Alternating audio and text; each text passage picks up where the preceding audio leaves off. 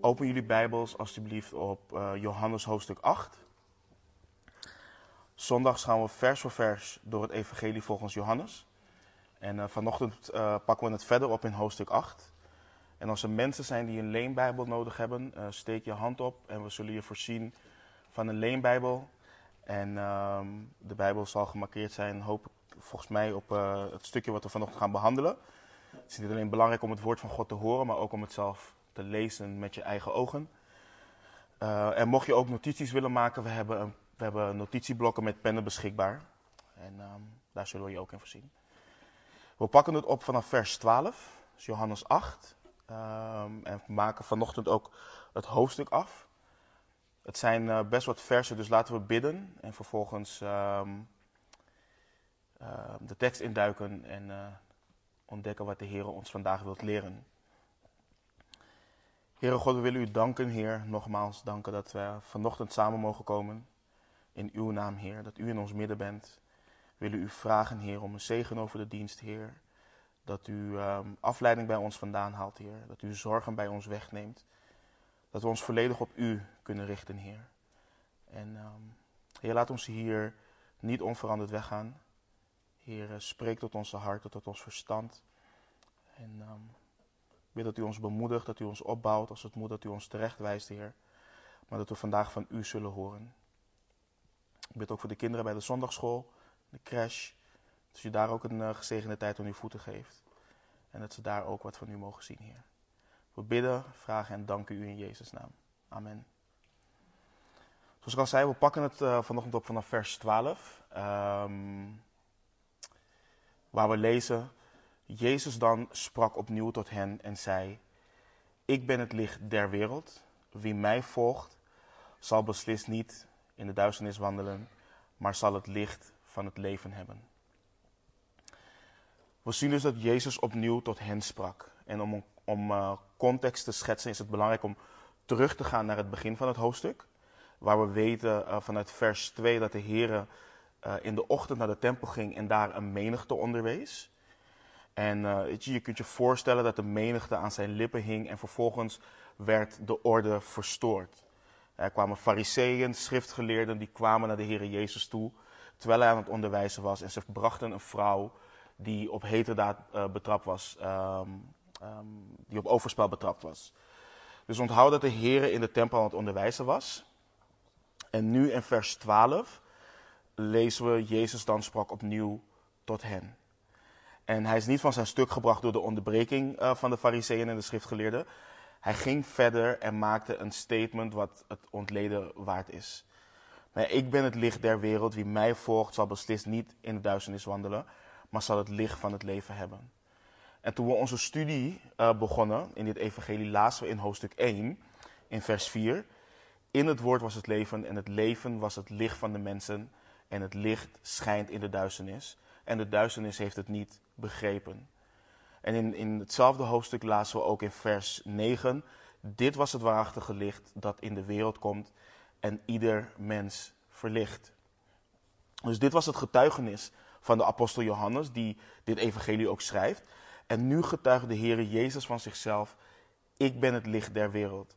En er zijn een aantal dingen die interessant zijn wat betreft dit statement. En over dit vers kunnen we een hele studie doen. En dan nog zouden we slechts de oppervlakte raken van de, de betekenis van, van dit vers, van hoe diep en hoe rijk het is. Maar het eerste wat, wat, wat interessant is, um, er worden drie dingen over God, er worden meerdere dingen over God gezegd uh, in de Bijbel, maar er zijn drie dingen die worden gezegd over wie of wat hij is. Bijvoorbeeld in 1 Johannes 4, of in Johannes 4 hebben we gelezen dat God geest is. Dus dat zei hij zelf tegen de Samaritaanse vrouw over aanbidding. Dus die God willen aanbidden, God in geest en waarheid moet aanbidden, omdat God geest is.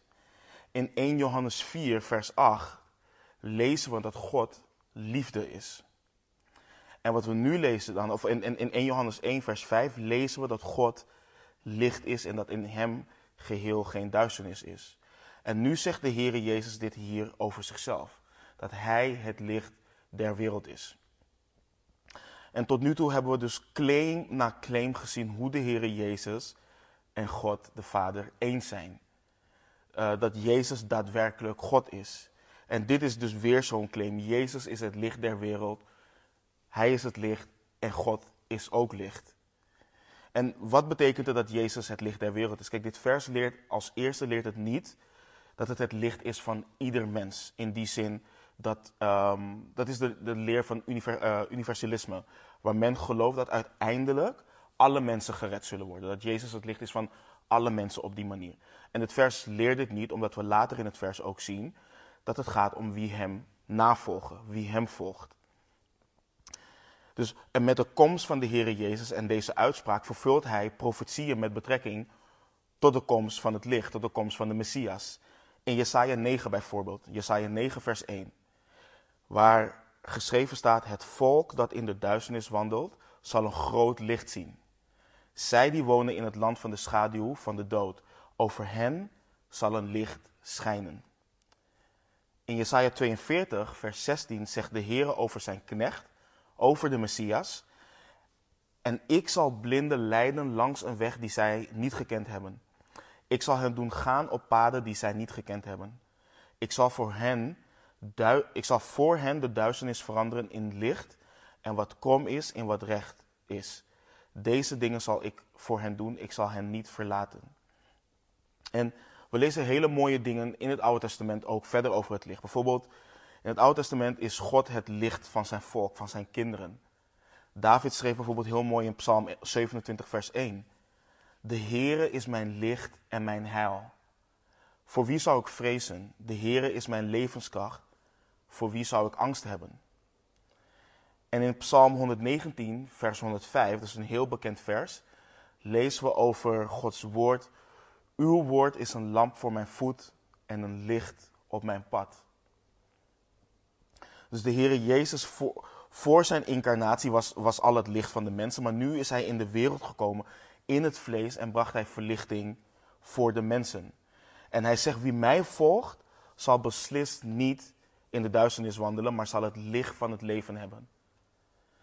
En je ziet hier een groot contrast. Dus wie de Heer Jezus niet volgt, wandelt in de duisternis. En we hoeven niet lang te zoeken om de claim te bevestigen dat de wereld duister is, dat het een duistere plek is.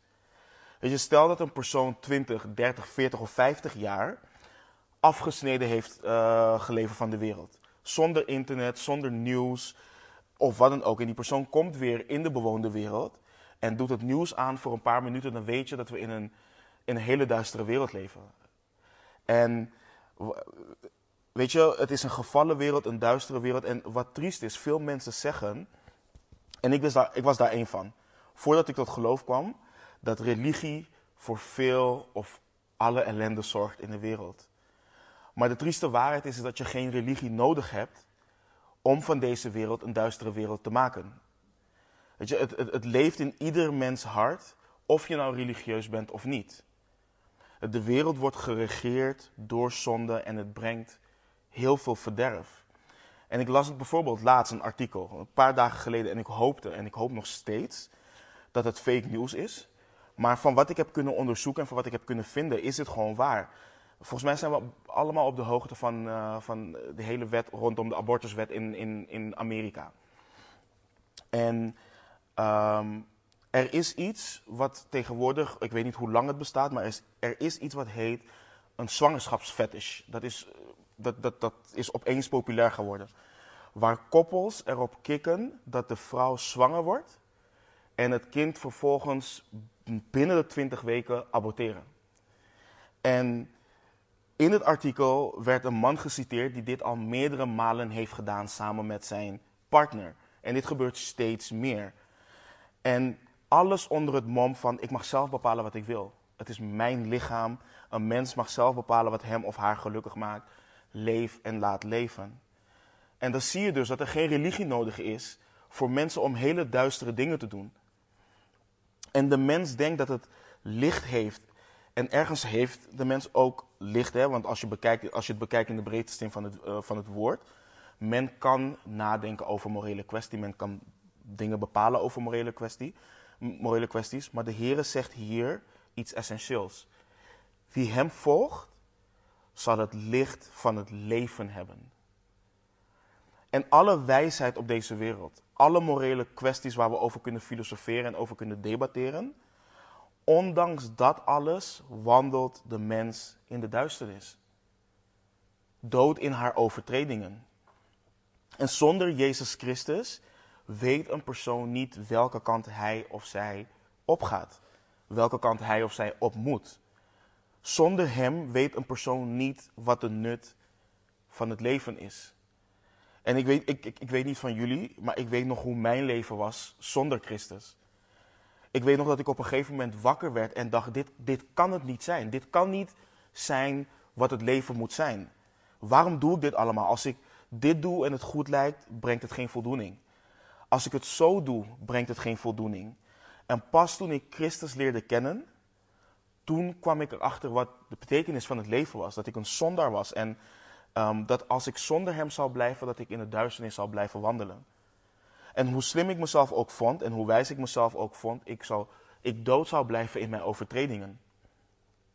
En de Heere kwam als een licht in mijn leven en voor de mensen die geloven ook in, in jullie leven. En hij verlichtte mijn verstand niet op werelds niveau, maar op geestelijk niveau. En dat door hem na te volgen. En hem navolgen betekent niet dat je hem simpelweg imiteert, dat je hem simpelweg nadoet. Het gaat niet in die zin om morele kwesties, het gaat niet om een goed persoon zijn. Die dingen vloeien voort uit het feit dat je Jezus Christus navolgt. Maar het gaat erom dat ik mijzelf als persoon volledig aan Hem geef. Dat ik Hem vertrouw, dat ik Hem vertrouw als mijn redder en mijn verlosser. Dat ik me bekeer, mijn manier van denken, dat ik dat verander en het breng in overeenstemming met Zijn manier van denken. De gezindheid van Christus in mij. Dus ik volg niet meer mijn eigen weg, ik volg Hem na. En dat is wat wij als volgelingen van Christus horen te doen. En het zijn krachtige woorden van de Heer Jezus. En zoals altijd is er vanuit de religieuze leiders, uh, zij die in de duisternis wandelen, weerstand. Er komt verzet. We lezen vanaf vers 13. De fariseeën dan zeiden tegen hem, u getuigt van uzelf. Uw getuigenis is niet waar.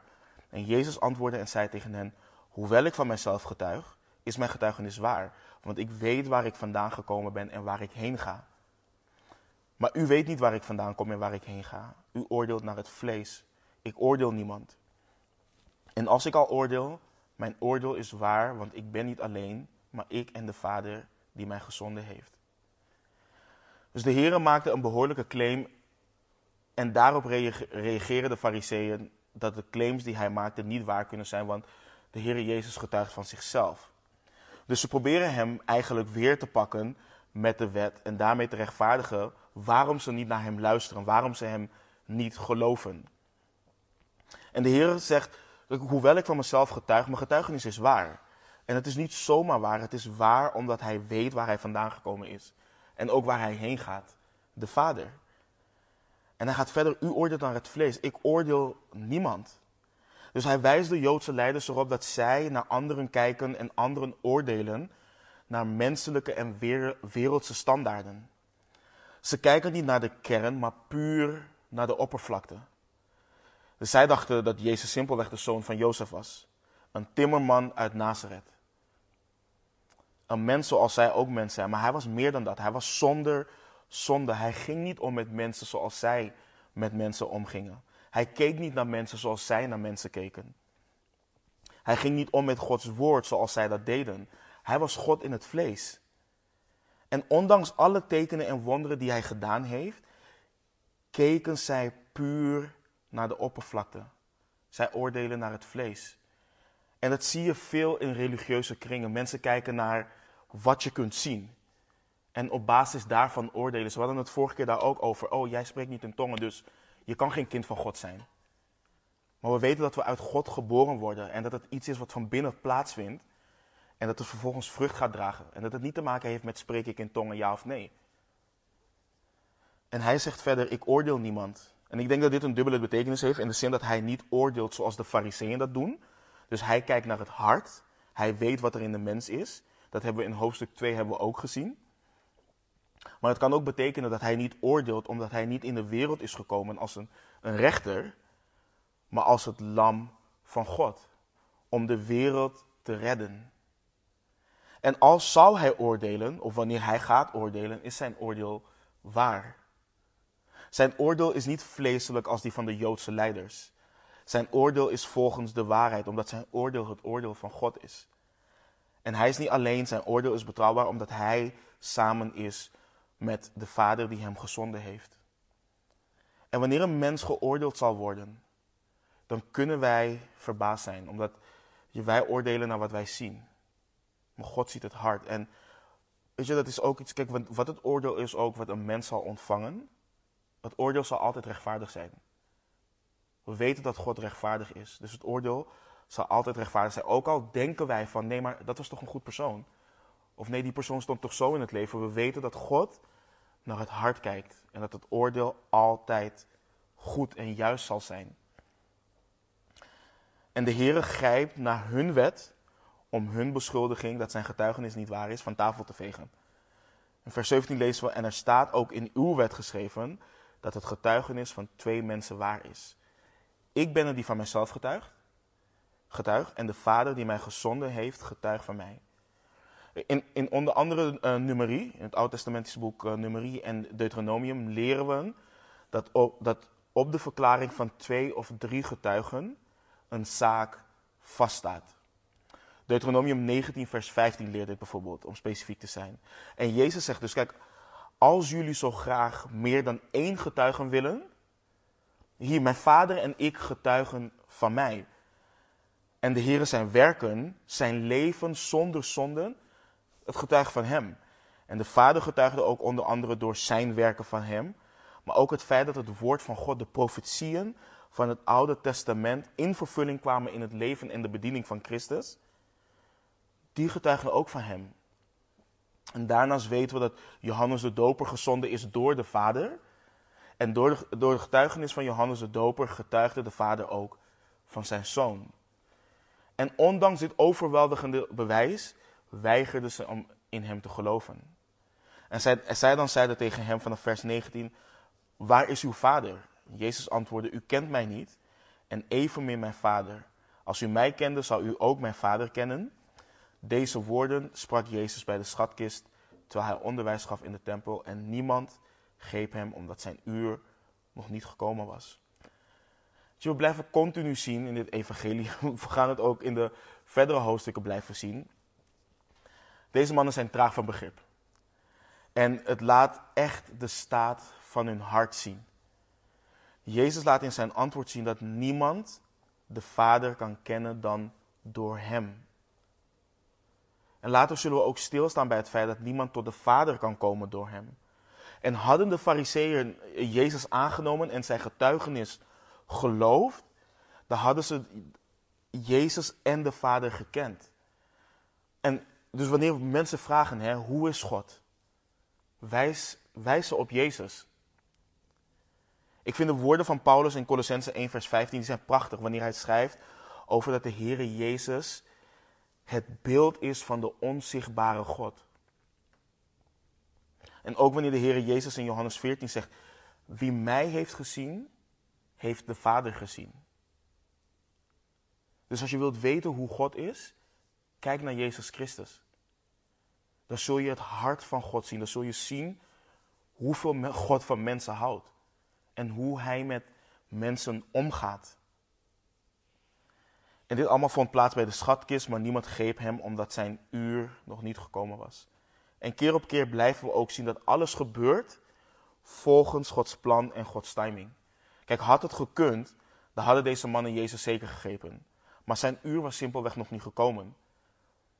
Het is ook mooi om te zien dat wanneer Jezus later zal zeggen: Kijk, niemand neemt zijn leven van hem af. Hij geeft zijn leven.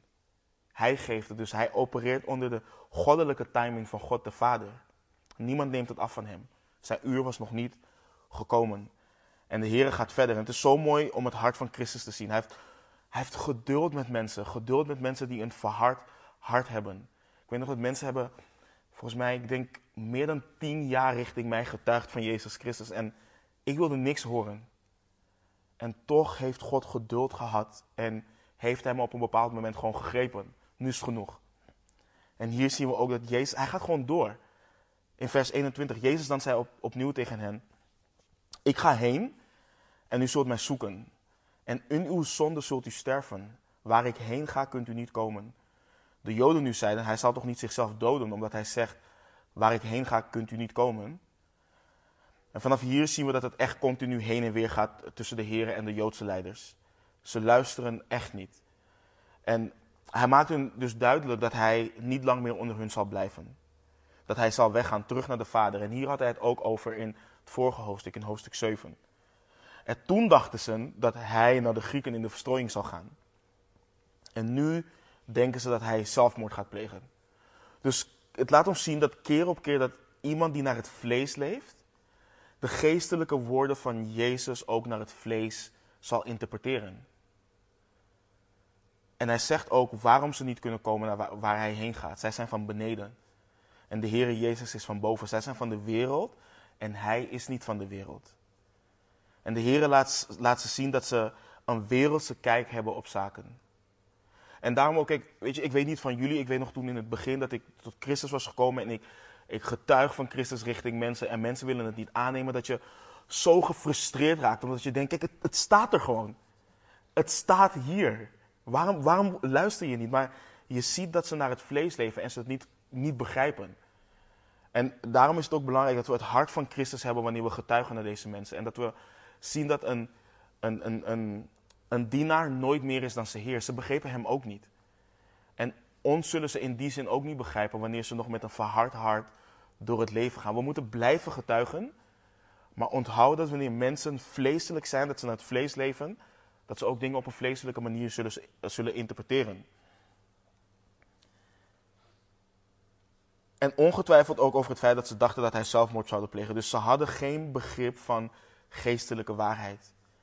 En Jezus daarentegen is niet van deze wereld. Hij is niet van beneden. Van beneden. Hij is van boven neer, neergedaald. Zoals we in, in Jacobus ook zien als het goede en volmaakte geschenk dat hij is. Hij is van boven neergedaald van de Vader der lichten. Dus twee werelden van verschil. En ook zo, zo zijn wij. Hè? Wanneer wij opnieuw geboren worden, geboren van boven, worden we burgers van een andere wereld. We leven in de wereld, maar we zijn niet van de wereld. En we houden ons dus ook in die zin niet bezig met wereldse zaken en bekijken de wereld ook niet door de bril of door de lens van de wereld, maar vanuit de waarheid, vanuit Gods woord. En daarom ook als je kijkt naar de controversiële dingen die nu spelen in de wereld. Het is belangrijk dat we naar zaken kijken als kinderen van God. Dat we kijken naar wat zegt God over liefde, over liefde. Wat zegt God over leven en dood. Wat zegt God over noem maar op. En niet wat mooi klinkt volgens de wereld en wat nobel zou kunnen klinken volgens de wereld, maar volgens de waarheid.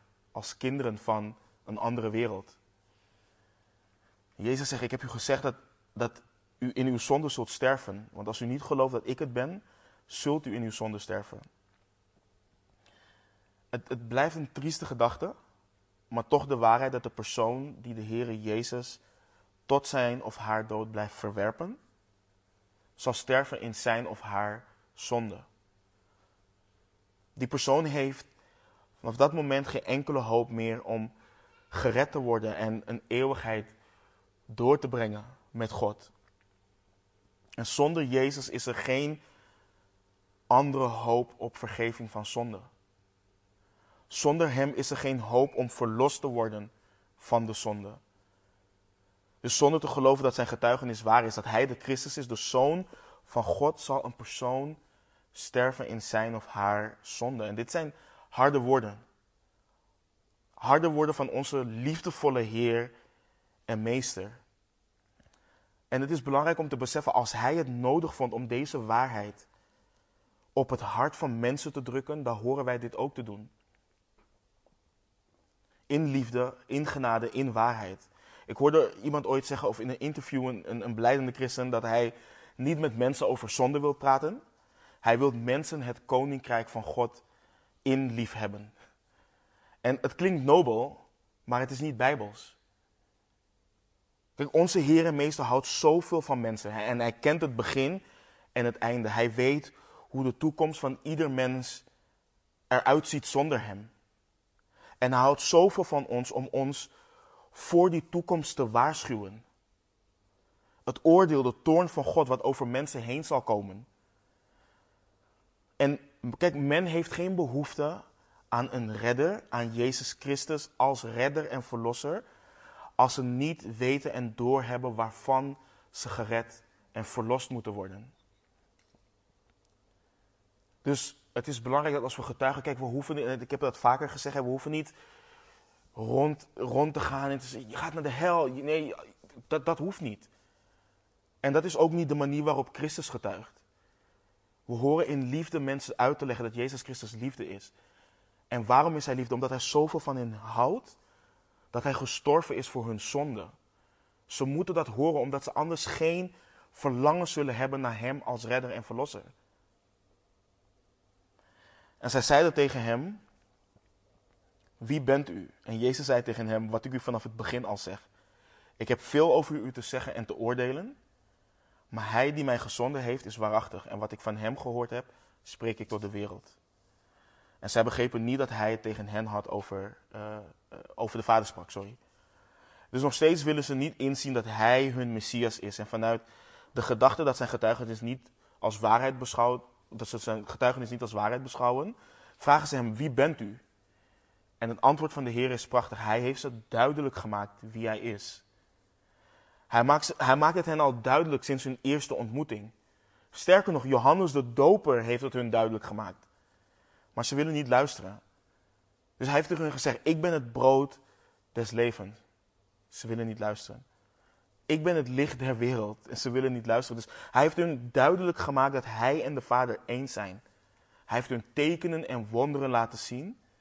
Dus vanaf het begin schreeuwt zijn leven en zijn bediening: Ik ben jullie Messias.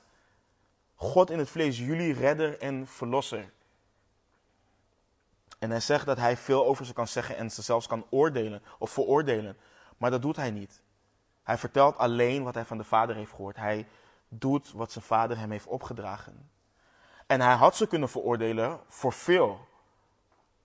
Maar hij houdt het bij wat, de vader, wat hij van de Vader heeft gehoord. En wij kunnen hier ook heel veel van leren. Ook al worden we gesmaad, ook al worden we vervolgd, we hoeven ons daarin niet schuldig te maken aan het smaden en vervolgen van hen die ons vervolgen. En we horen de waarheid op het hart van mensen te drukken. We horen Jezus Christus in genade en waarheid te prediken. En hier zien we weer dat de mens naar het vlees geestelijke waarheid niet kan begrijpen. Ze begrepen niet dat hij het over de Vader had. En kun je nagaan hè, hoe deze mensen zich moeten hebben gevoeld. Onderwezen in de wet. Getraind, geestelijke leiders van het volk Israël. Maar zelf zo blind als het maar kan zijn. En Jezus dan zei tegen hen, vanaf vers 28, wanneer u de zoon des mensen verhoogd zult hebben, zult u inzien dat ik, dat ik het ben en dat ik vanuit mezelf niets doe. Maar dat ik die dingen spreek zoals mijn vader mij onderwezen heeft. En hij die me gezonden heeft, is met mij. De vader heeft mij niet alleen gelaten, omdat ik altijd doe wat hem welgevallig is. Dus Jezus verwijst weer naar wat er gaat gebeuren. En drie keer in dit evangelie lezen we dat hij verhoogd zal worden.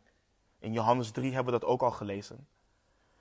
En het feit dat de Joden hem zullen overgeven aan de, aan de, aan de Romeinen en hij verhoogd zal worden aan het kruis. Dus wanneer ze hem omhoog geheven zullen hebben, wanneer hij gedood zal worden door hun, dan zouden ze inzien dat hij het is. Door zijn dood, begraving, begraving en opstanding. En niet alleen dat, ook de tekenen en de wonderen die daarna door de apostelen gedaan zouden worden. Zouden ze inzien dat hij het is en dat hij vanuit zichzelf niets doet. Maar dat hij echt gezonden is door de Vader.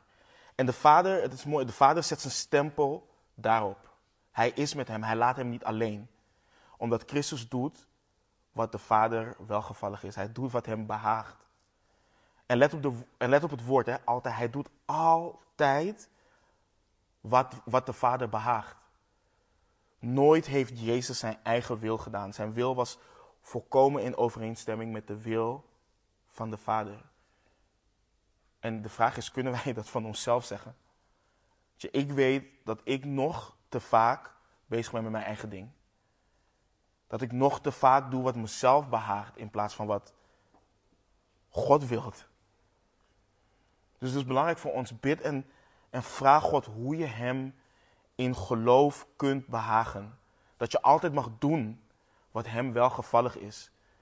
Zoals onze Heer en Meester dat ook altijd deed in zijn leven en bediening hier op aarde. Weet je, het zou, een, het zou echt een zegen voor de wereld zijn als binnen het lichaam van Christus altijd werd gedaan wat God de Vader zou behagen. Weet je, wat voor zegen we voor de wereld zouden zijn als we dat altijd zouden doen.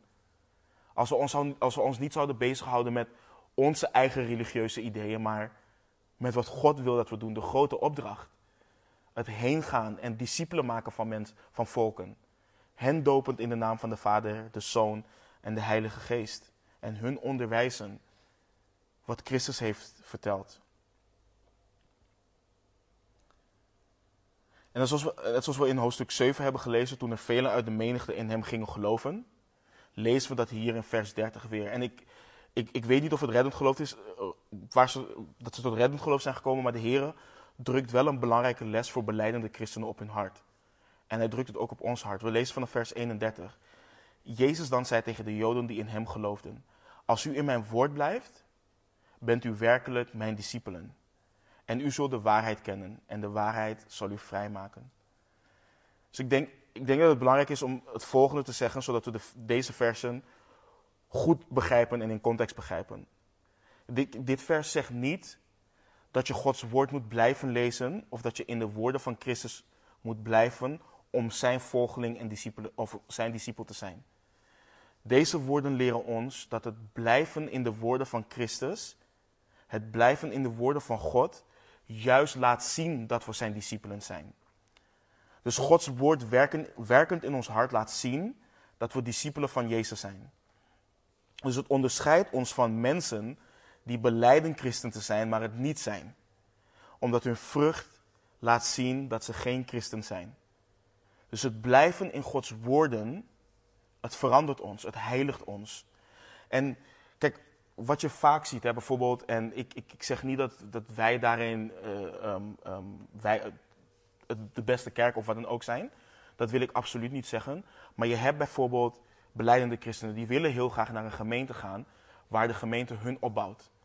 Dus dan pakken ze een vers en dan, dan wordt het een soort van pep talk, een promotie of een, een, een motivational speech. Dat willen ze. En wat ze dan heel vaak krijgen wanneer, wanneer je door het woord gaat, echt vers voor vers door de Bijbel heen gaat, oh dan is het saai of dan draait het niet om mij of wat dan ook. Maar je ziet, Christus zegt dat we in zijn woord moeten blijven. Want wat krijg je als we met menselijke wijsheid aan de haal gaan? Dan gaan we denken naar het vlees.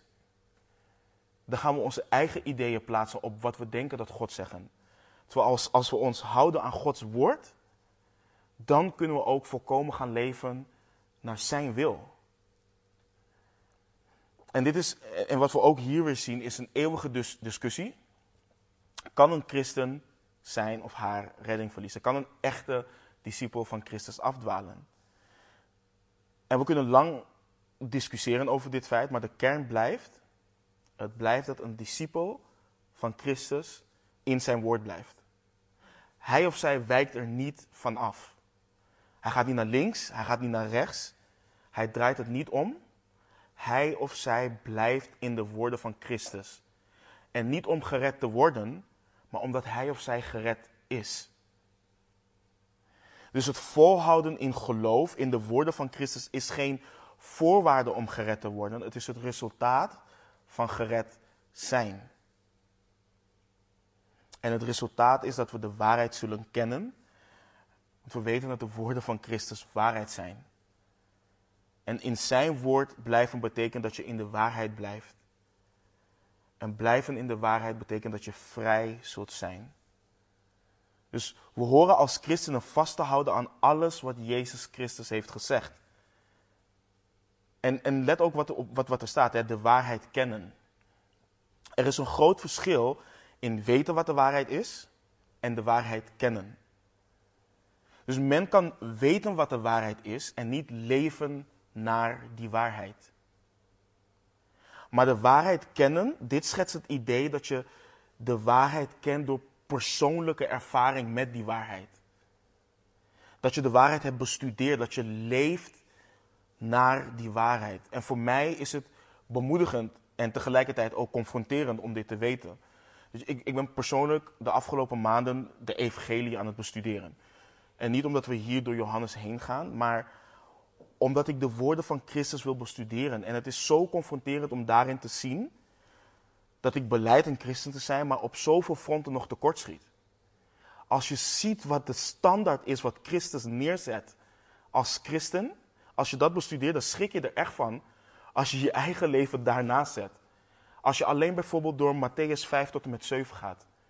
Als je de zaligspreek, de bergreden gaat bestuderen. Als je ziet wat voor standaard Christus daar neerzet, dan schrik je ervan als je echt kijkt naar, matcht mijn leven hier, komt dit overeen?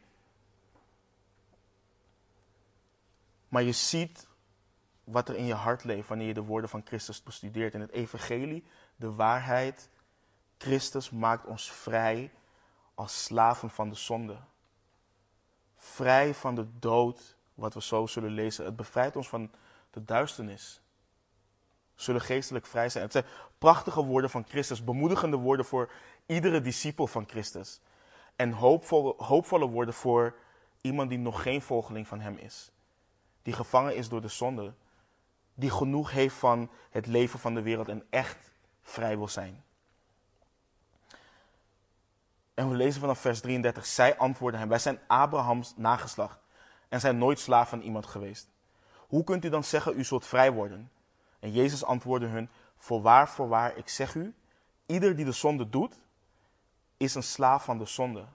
En de slaaf blijft niet eeuwig in het huis, de zoon blijft er eeuwig. Als dan de zoon u vrijgemaakt heeft, zult u werkelijk vrij zijn. Dus de Joden die roemen in het feit dat ze het nageslacht van Abraham zijn. Dat ze daarom vrij zijn en geen slaven zijn geweest. En zo kun je zien, deze, ik, ik, ik snap ze echt niet als ik het lees. Ze zijn nu letterlijk gevangen door Rome, door de Romeinen. Hun vaderen zijn slaven geweest in Egypte. Ze zijn gevangen geweest in, uh, door de Babyloniërs. En het ergste is, zoals Christus tegen hun zegt in vers 34, ze waren slaven van de zonde. En zo is ieder mens een slaaf van de zonde. Want ieder mens heeft gezondigd. Er is geen één rechtvaardig. Maar deze mensen claimen dat ze vrij zijn. Dat ze nooit slaaf zijn geweest en toch leven ze onder heerschappij van de Romeinen. Het is, het is echt werkelijk ongelooflijk. En er is iets belangrijk wat we moeten onderscheiden. Kijk, een christen, een christen zondigt. 1 Johannes 1, 8 leert ons ook dat als we zeggen dat we geen zonde hebben, dat we onszelf misleiden. Dus een christen zondigt. En je hebt zondig vlees nog steeds. Je wordt opnieuw geboren, maar je vlees wordt niet geheiligd. En weet je, misschien zondig wordt door middel van zondige gedachten of wat dan ook. Maar het verschil tussen een christen en iemand die geen christen is, is dat de persoon die geen christen is, niets anders doet dan zondigen. Die persoon is letterlijk een slaaf van de zonde. Een dienaar van de zonde. En een ander verschil is dat een christen berouw heeft. Een christen heeft berouw of hoort berouw te hebben, beleid zijn of haar zonde en bekeert zich. Een niet-christen die doet dat niet, die, die, die, die houdt van de zonde. Dus nogmaals, die persoon is een slaaf van de zonde. En net zoals deze mannen dachten vrij te zijn, zo denkt de wereld ook dat de wereld vrij is. Maar hoe vaak hoor je wel niet dat men denkt dat wanneer je tot Christus komt, dat het juist betekent dat je je vrijheid opgeeft? Dat je juist dan in een gevangensysteem gaat leven. Maar niets is minder waar. En het feit dat ze geestelijk blind zijn, uh, creëert deze gedachte in hun. Daarom schrijft Paulus ook in 2 Korinthe, vers, uh, 2 Korinthe 4 dat de Satan de gedachten van de ongelovigen heeft verblind. Dus de Heere zegt, de slaaf die blijft niet eeuwig in het huis, de zoon blijft er eeuwig. Het is een, een mooie analogie. Want de slaaf die heeft niet de garantie dat hij eeuwig onderdeel zal zijn van het huis. Eh, en de Joden dan, die gingen ervan uit dat ze kinderen van God waren, dat ze onderdeel waren van zijn familie. Maar ze waren simpelweg slaven van de zonde.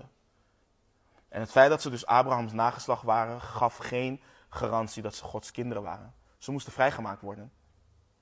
En als een zoon iemand vrijmaakt, dan pas zal je werkelijk vrij zijn. Dus Niets of niemand anders kan ons vrijmaken als slaaf van de zonde. Niemand kan je vrijmaken van de dood. Want er is maar één die de dood heeft overwonnen: Christus.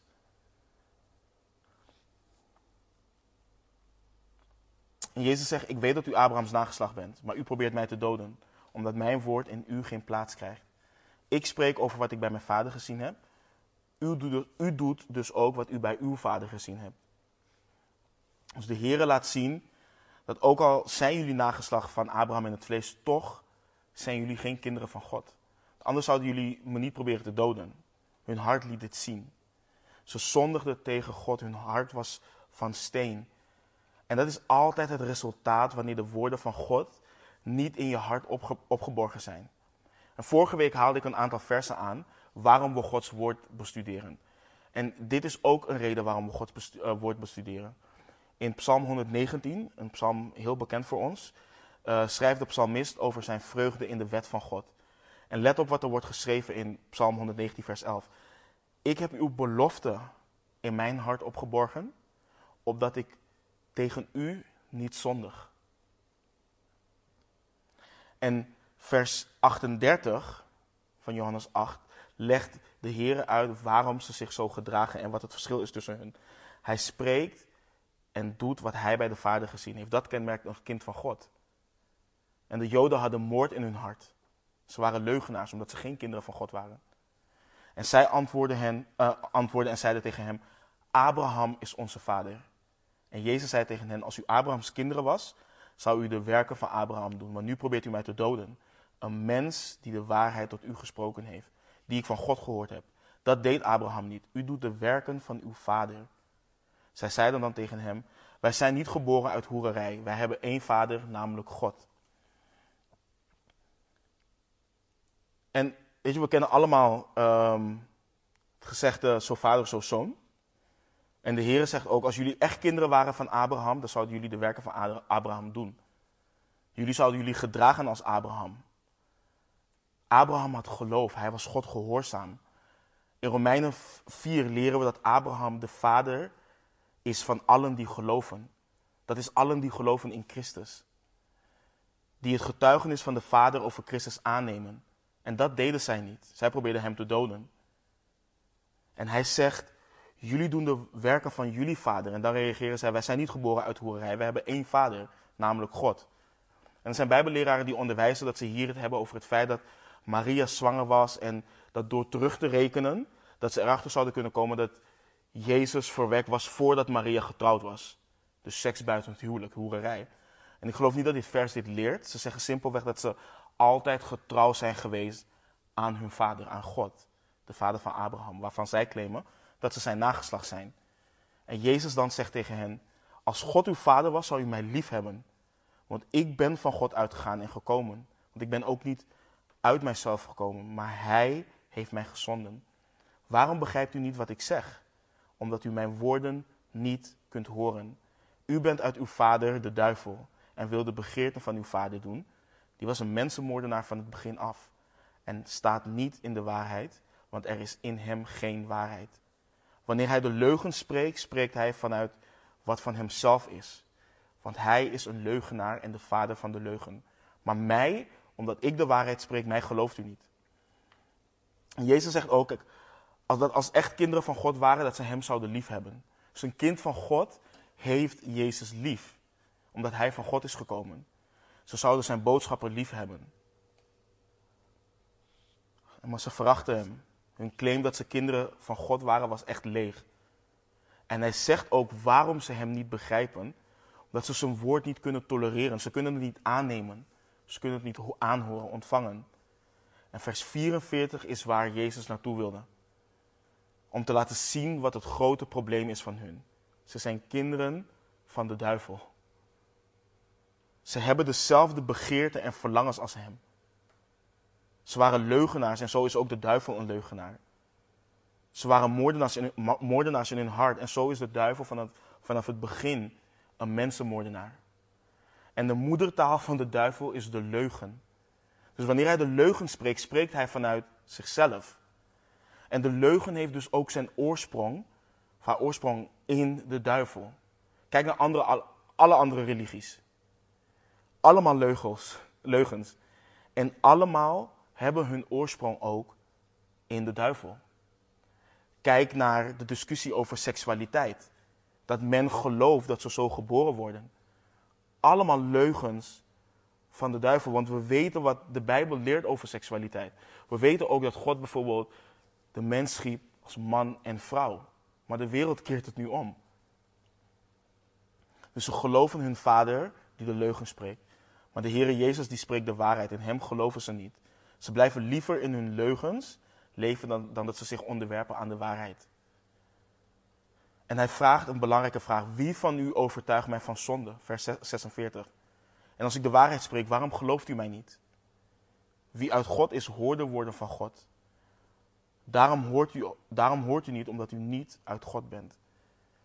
En niemand anders, ik vind dit prachtig, want niemand anders kan deze vragen stellen dan onze meester. Wie overtuigt mij van, zonden, van zonde? Daarom ook wanneer we getuigen, laat mensen het leven van Christus bestuderen.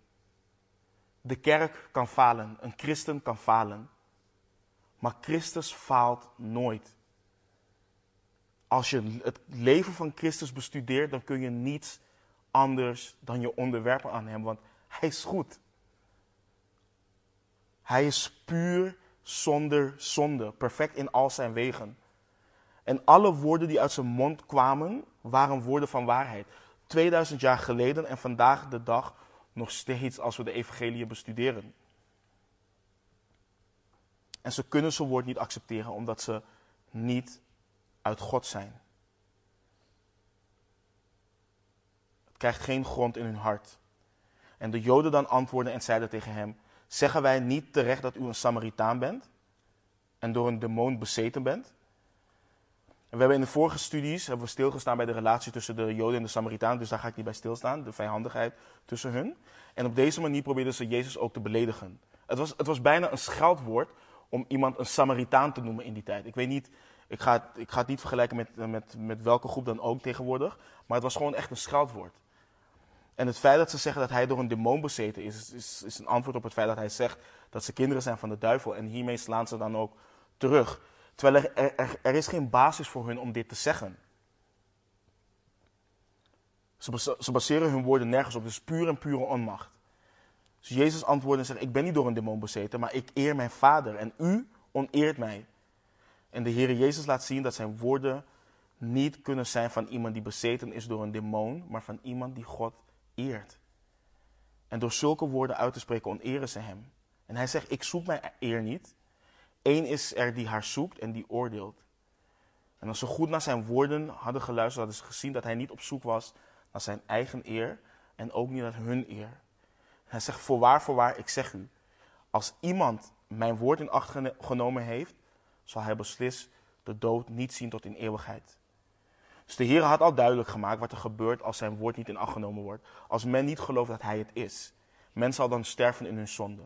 En hier zegt hij dat de persoon die zijn woord in acht genomen heeft, de dood niet zal zien in eeuwigheid. En hij heeft het hier dus over de, de eeuwige dood, de geestelijke dood.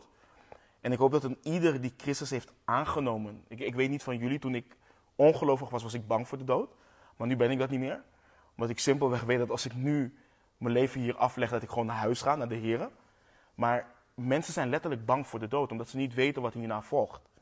Dus ik hoop dat een ieder die hier in Christus gelooft niet bang is voor de dood, omdat we gewoon gaan naar onze thuisbestemming. We gaan naar huis.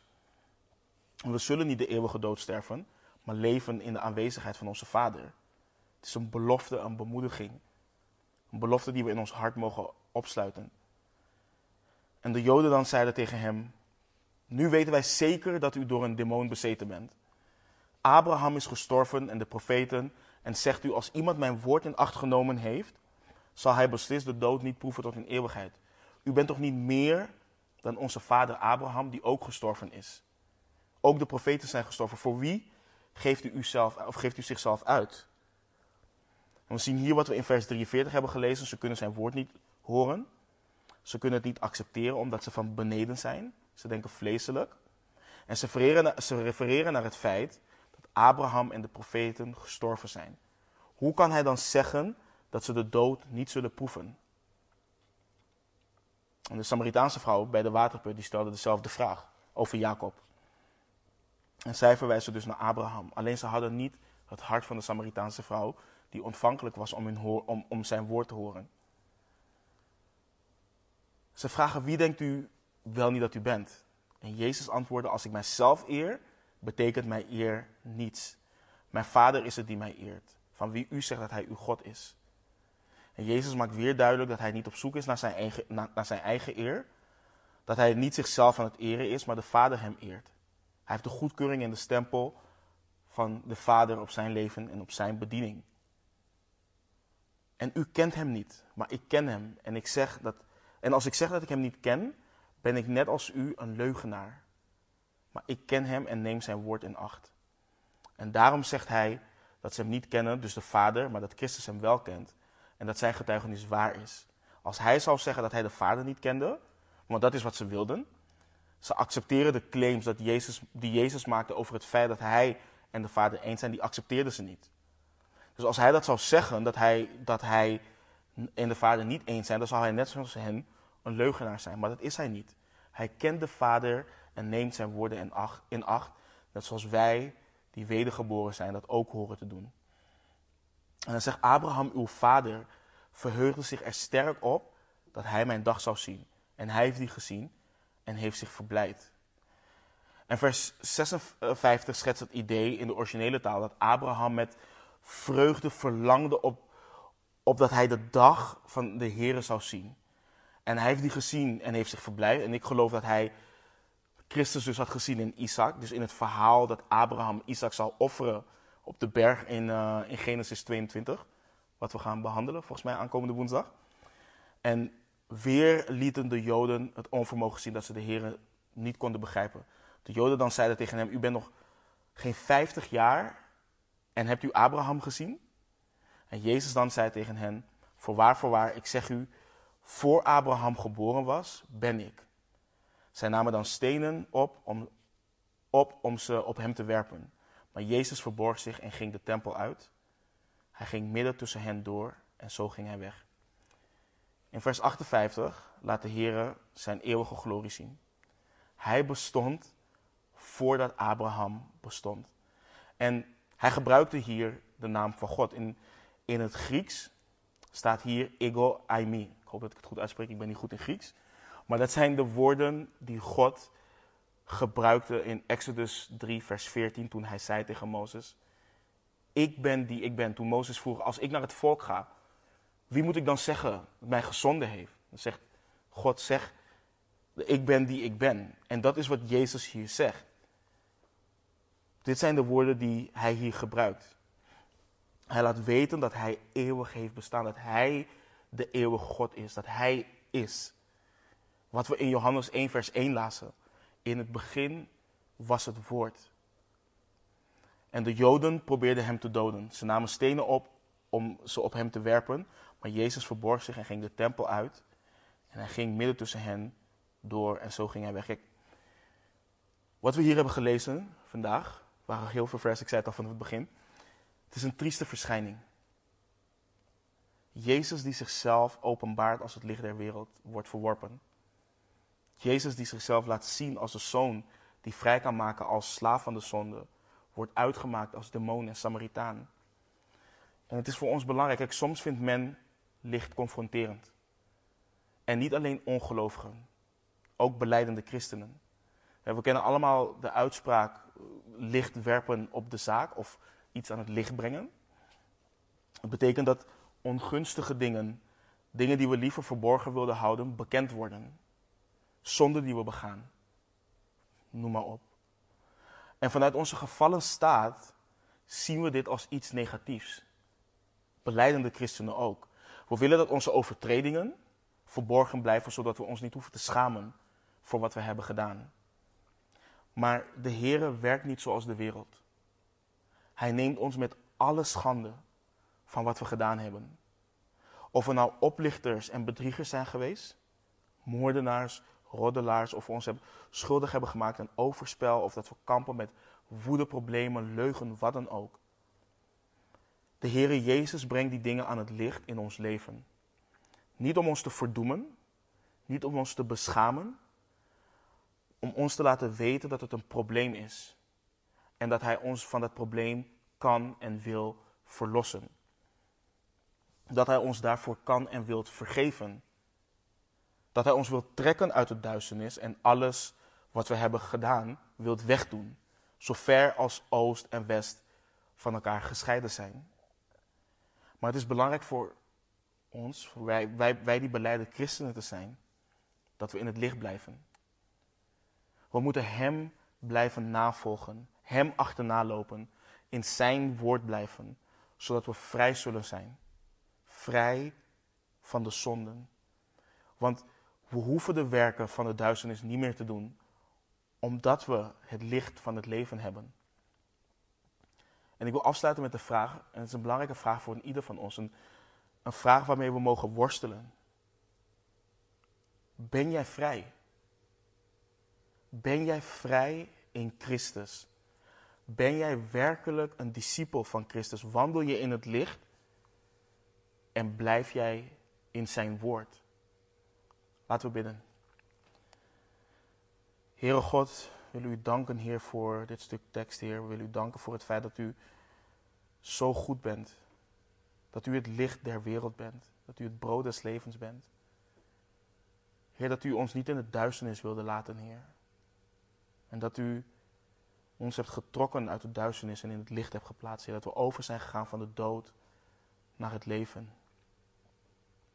En dat dit uw wil voor een ieder van ons is. En Heer, u weet, Heer, de, de, de zorgen van het leven en de drukte van het leven en van deze maatschappij waarin we leven, dat we soms gewoon een dag kunnen gaan zonder um, met u gesproken te hebben, zonder fellowship met u te hebben gehad, Heer.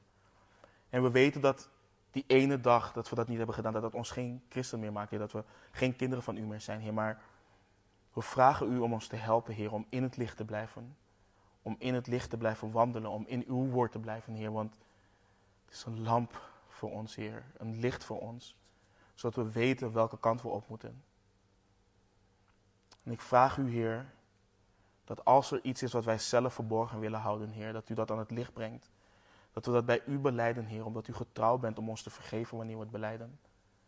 Heer, dat we vrijmoedigheid krijgen en dat we durf krijgen, Heer, om het ook aan broeders of aan zusters te beleiden als dat nodig is, Heer. Dat we voor elkaar mogen strijden in gebed, Heer. Want wat in het licht is gebracht, daar kan de vijand niks mee, Heer.